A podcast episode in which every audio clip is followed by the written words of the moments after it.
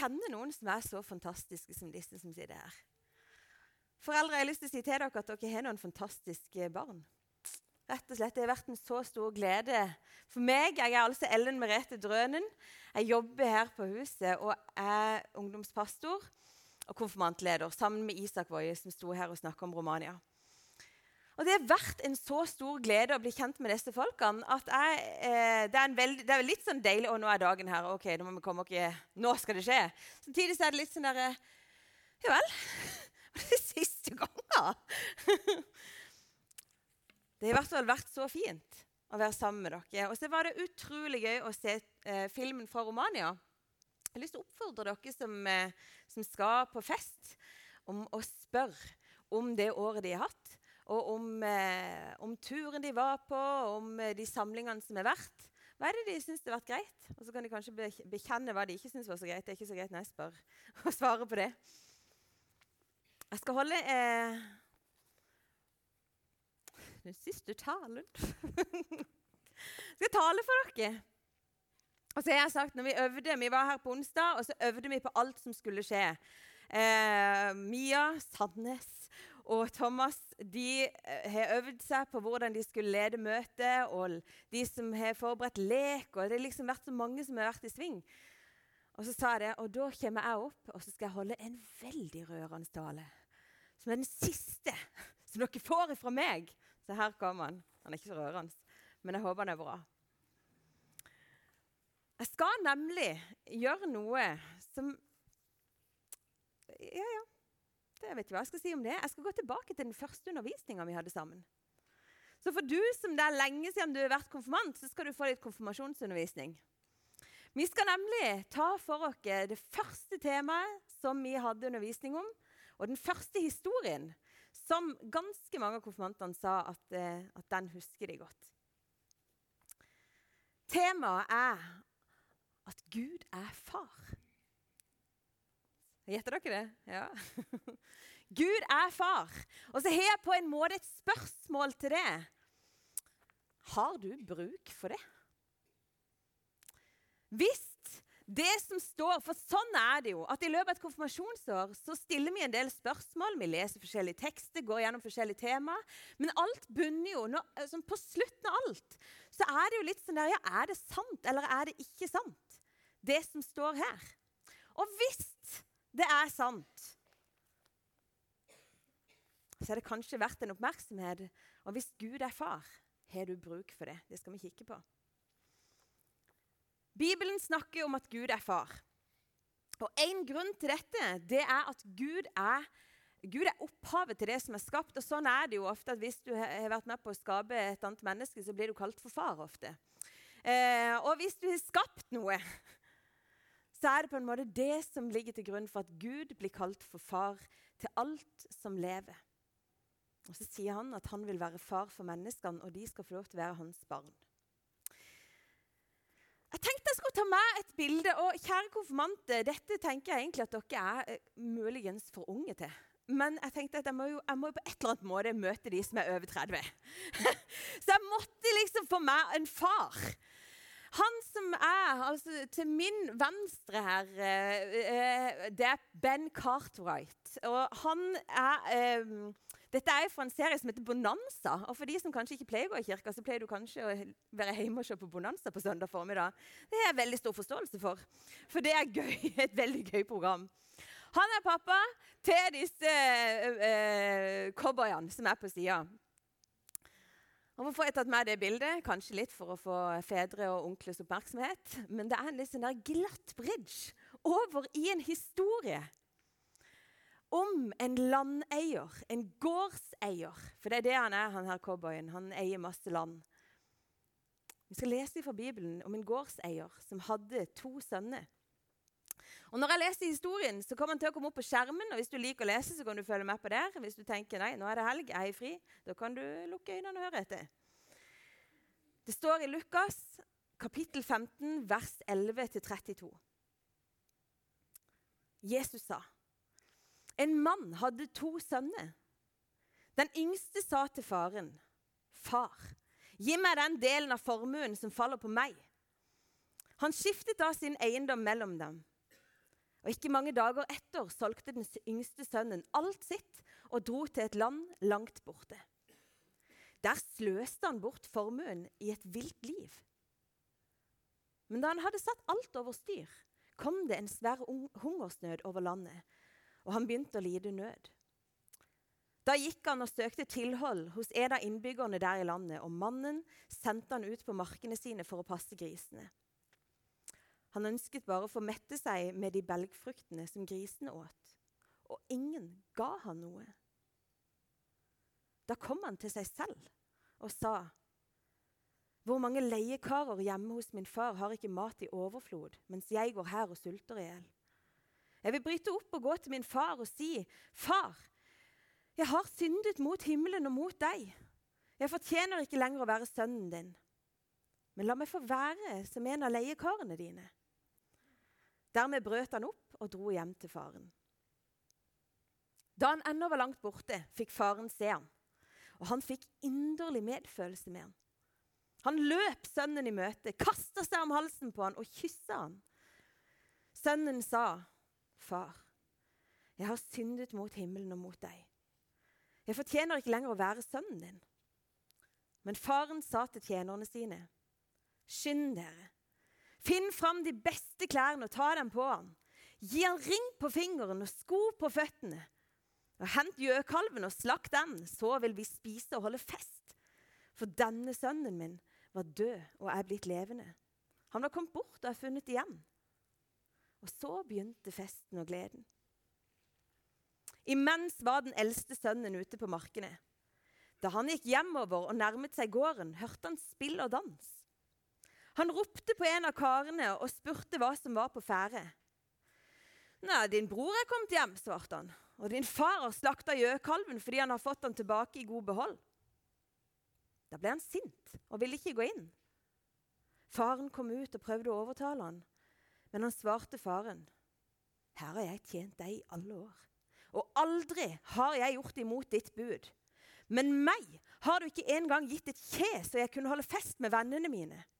Men straks denne sønnen din kommer hjem, han som har sløst bort pengene dine sammen med horer, da slakter du gjøkalven for ham. Faren sa til ham,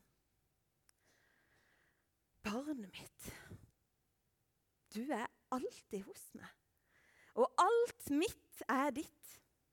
Men nå må vi holde fest og være glade, for denne broren din var død og er blitt levende. Han var kommet bort og er funnet igjen. Det er litt av en historie. Det er en historie som Jesus forteller. og Det er ikke sikkert den er sann. Men jeg tenker at når Jesus forteller den, så inneholder han de elementene han vil bruke for å fortelle noe om Gud og noe om mennesket. Og La oss begynne med mennesket. Det er nemlig en sønn i denne historien som vil klare seg sjøl. Og jeg tenkte, jeg forberedte meg, så tenkte jeg, ja, det kan jeg kjenne meg igjen i. Vil gjerne klare meg sjøl. Denne sønnen han er vokst opp hos sin pappa, og kanskje er han litt lei av å bli bestemt over. Eller kanskje tenker han nå, it's my time, my prime time. Nå skal jeg sannelig være min egen konge. Jeg skal ta ansvar for mitt eget liv. Og jeg tipper at de fleste her inne kan kjenne seg igjen i tanken om at jeg vet bedre for meg enn det mine foreldre gjør. Jeg mener, Mine foreldre er jo så himla gamle.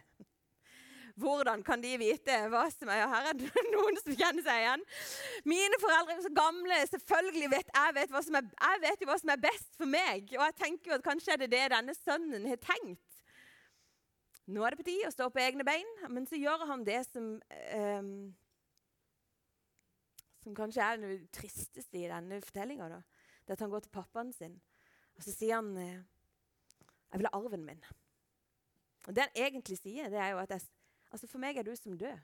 Jeg skulle ønske du var død, så jeg bare kunne få pengene dine. Det er jo ganske heftig. Og så kommer jeg ikke helt over pappaen i denne historien. da, For pappaen han kunne jo bare slått seg fra. Altså Hadde det vært meg, hadde jeg vært mora der, så hadde det ikke vært Det hadde ikke vært snakk om å utdele noe arv her. Altså Du får vente. Og hvis du skal gå, så får du gå. Men denne pappaen Du må ha knust hjertet sitt. Og Likevel så deler han opp landjorda si. Det må jo ha vært et styr av et arbeid. Del opp landjorda si. får ordna sånn at pengene kommer på plass, og så gir han det til sønnen sin. Sånn at gutten hans, sin, som snur ryggen til han, skal likevel ha noe med seg så han klarer seg. Og så stikker denne gutten av sted. Så står det at han levde noe som høres ut som kanskje et ganske festlig liv. I sus og dus, med piker, vin og sang. Og det er sikkert festlig for en stund, det vil jeg tro. Og så er det bare det at det skjer det, altså Den arven hans den tar slutt. Og så kom det en katastrofe over landet som kalles for hungersnød. Som altså, betyr at det er jo ikke mat å få tak i. Og denne mannen som hadde så veldig mange venner når han hadde lomma full av gryn, han mister jo alt han har av sosialt nettverk. Og Så sitter han der og så har han ingen vei. Og så står det det at han fikk jobb hos en grisebonde. Og Hva betyr det? Nå må vi huske at Jesus han snakka til jøder. Og jødene for de var det helt uaktuelt å være i nærheten av griser. Og i de områdene hvor, hvor jødene bodde, så var det ingen som drev med altså heter det grisefarming. Jeg vet ikke hva det heter, men ingen som drev med det. i hvert fall. Så han må ha vært ganske langt vekk hjemmefra, og plutselig så sitter han der i en grisebinge. Og det er ingen som ga noe, står det. Vi får lov til å være med og gi til Romania og til hverandre. Og så Han var helt alene, og ingen som ga noen ting. Og så tenkte jeg med meg sjøl at denne mannen, han må ha tenkt at dette hadde jeg aldri trodd at skulle skje meg. Denne situasjonen, den skulle vel jeg aldri komme i. Jeg hadde aldri trodd at dette skulle være story of my life. Og så slår han en tanke. ok, Jeg kan sitte her og råtne i med grisene. Eller så kan jeg gå hjem til pappa igjen. Og jeg vet at De som jobber for pappa, de har det jo bedre enn det jeg har det nå. Og så tenker jeg at Det var ikke, det var ikke nødvendigvis en sønn som lengta etter pappaen sin. Det stender ikke det at han våknet, han kom til seg selv, og så lengtet han så veldig etter pappaen sin. Nei, han kom til seg sjøl. Og så skjønte han bare at den situasjonen jeg er i, den er ikke særlig. Jeg må komme meg vekk herifra. Den eneste sjansen jeg har, er å gå hjem til pappa. Så går han. Og hva er det som møter han? Det er jo sånn at det er en pappa her som ikke har gått videre i livet. Ja, ja, sønnen min stakk. Jeg får bare gå videre. Nei, han er ute og leter. Han er ute og speider etter gutten sin, for han savner han. Og når han ser gutten sin som kommer imot han, så er det jo kanskje et under at han kjenner han igjen, men det gjør han. Og så begynner han å løpe. Og det var det jo ingen flotte folk som gjorde på denne tida, men han heiste opp hjorten og begynner å bare pff, løpe av gårde. Og så står det at han omfavner gutten sin. Og det er jo bare sånn der, faktisk det ordet som står på grunnteksten, det betyr at han rundkysser sønnen sin. Det er ikke så veldig innafor i vår kultur. Det skjønner jeg jo. At det driver vi kanskje ikke med. I hvert fall ikke når du er konfirmant. Eh, så stay off! Men det er noe med det at han bare bryr seg jo ingenting om at han stinker gris. Han bryr seg jo ingenting om at han antageligvis er helt gjennomsvett og utslitt. Han bare klemmer gutten sin, for han er savner han så. Og ikke nok med det, så sier han til tjenerne Hent tøy til han! Det her tøyet her er for skittent. Få på han noe rent, så han kan føle seg vel igjen. Få på han det beste, og hent ringen min. Og vet du, den ringen jeg vet at det er i hvert fall en konfirmant som går med en ny ring på fing. eller som har ring på fing. Den ringen her det var en sånn ring som fungerte som et bankkort. Hvis du hadde en sånn signettring, så betydde det at du fikk lov til å handle i pappa og pappa sin konto.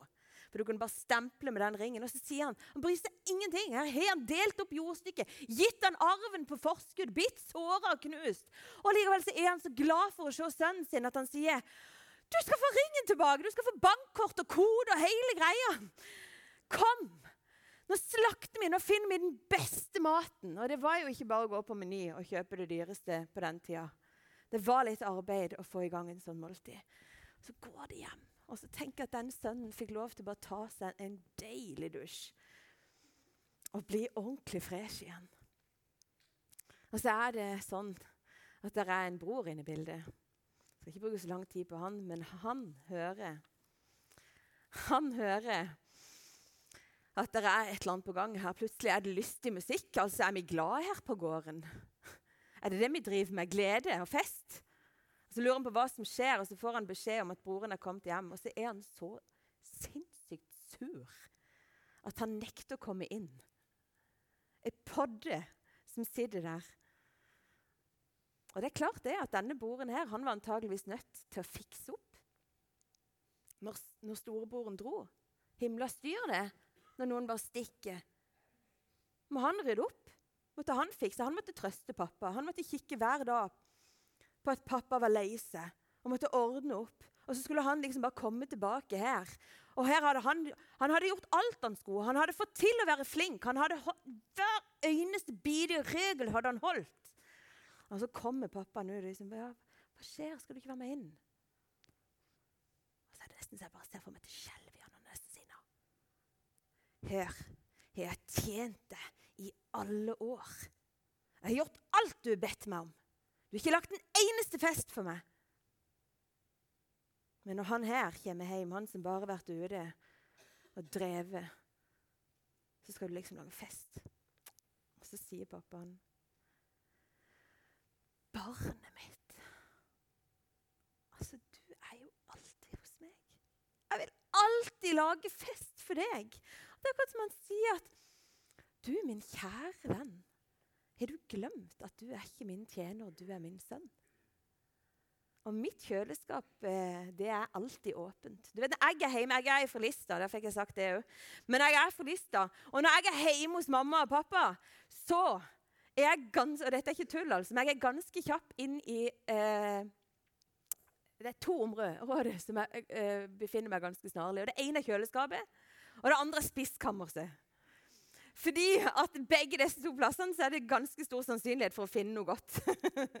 og jeg vet at i mamma sitt kjøkken der kan jeg gå og forsyne meg. Det er ganske digg, det. Og det er akkurat som han pappaen i historien her, han sier med alt mitt. Du kan gå og forsyne deg hver dag. Hele tida. Så kan du bare ta det som er mitt, for jeg har gitt det til deg. Jesus forteller denne historien for å beskrive Gud og Guds kjærlighet og hvordan Gud er som far. Og Guds kjærlighet, kjære alle sammen, den er ekstrem. Og den forandrer seg ikke, og den er alltid tilgjengelig. Og så ga jeg dere i oppgave Vi er tilbake i undervisningsrommet. Og jeg ga dere i oppgave å huske tre punkter, og det regner jeg ikke med at dere gjør. Fordi jeg, jeg, husker nesten ingenting fra min egen konfirmantundervisning. Men nå kommer de på nytt. Hva er det som kjennetegner Gud som far? Bortsett fra at han faktisk har skapt alt. Jo, det er at han har ekte følelse for oss. Denne pappaen lengta så inderlig etter barnet sitt. Og han klemmer og kysser på en som har valta seg med griser. Og ligget der og sovet.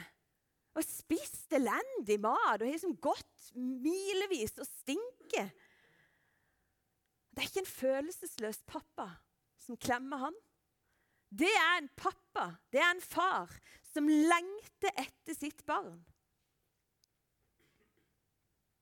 Det står et annet sted i Bibelen, i Jesaja 49, så står det enda mer om hvordan Gud er som far. Nå skal vi lese det. Jeg tenker bare Det var så beskrivende for følelse. Følelser.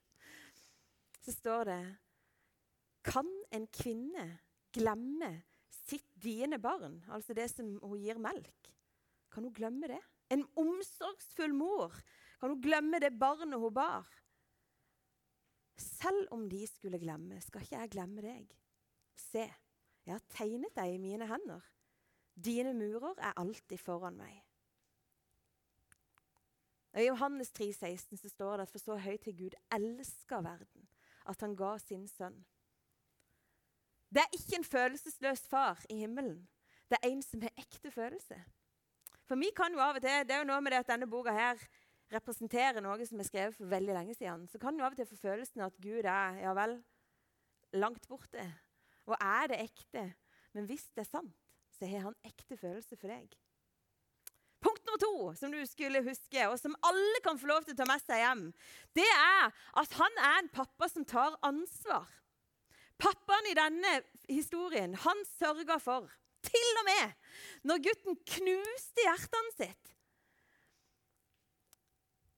det, så, gjør den pappaen det han ber om, og så sørger han for at han drar i det minste ikke tomhendt ut i verden. Altså, Om min gutt hater meg og er lei av meg, så skal jeg iallfall sende med han det beste jeg har.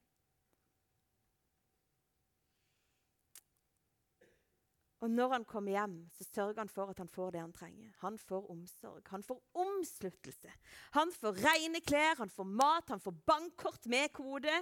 Han får det han trenger, og han får ikke det han fortjener. Han vet at gutten sin er sliten. Og Så står det et annet sted i Bibelen. I Matteus 11, 28 så står det Kom til meg, alle dere som strever og bærer tunge byrder, og jeg vil gi dere hvile. Og Det er Gud som sier det. At om du er sliten Og kjære konfirmanter, det kommer dere til å bli. Og mange av dere vet hvordan det føles allerede. Men livet er liksom ikke altså det, det hadde vært fint om livet bare var en lek, men det er det jo ikke. Jeg tenker Det kommer jammen med alle mulige slags farger inn i dette livet. Og alle mulige slags faser. Og da er det en som gjerne vil ta ansvar og si 'kom til meg'. Jeg vil bære deg. Jeg vil ta ansvar for deg. Både når du har det bra, du kan få lov til å holde fest, og så vil jeg ta ansvar for deg når du har det tøft og er sliten. Det siste. Siste punktet, det var at en pappa er altså en som vi arver etter. Og Det var jo kanskje litt sånn dystert, og så må vi snakke om død og arv her. Det er jo eh, konfirmasjonen. Faren sender med han arven alt han kan. Men fordi at sønnen har regnet han som død, så går arven tom. Jeg skal si det en gang til. Faren sender med han arven, alt han kan. Men fordi sønnen tenker at du er som død for meg, så går arven tom. Den andre sønnen, han er et sted hvor kontoen er full. Hvorfor det? Jo, for han lever sammen med far.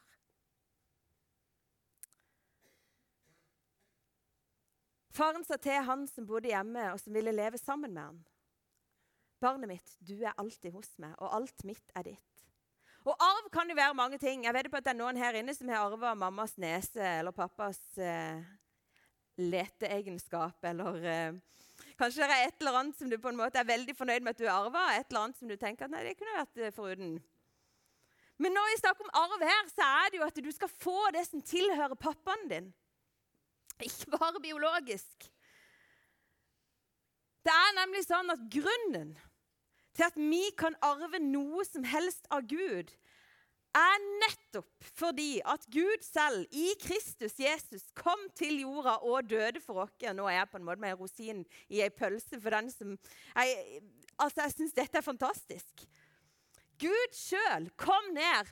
Han døde, han sto opp igjen. Men fordi at han, vi tror på hans død, og at han er levende, så er arven Og vi har snakka masse om Den hellige ånd. Og vi har bedt for syke som har blitt helbreda. Det er masse spektakulært å spørre konfirmantene om. Det er én grunn til det, og det er fordi at Gud selv har gitt hele livet sitt og inviterer deg til å leve hele livet ditt sammen med Han.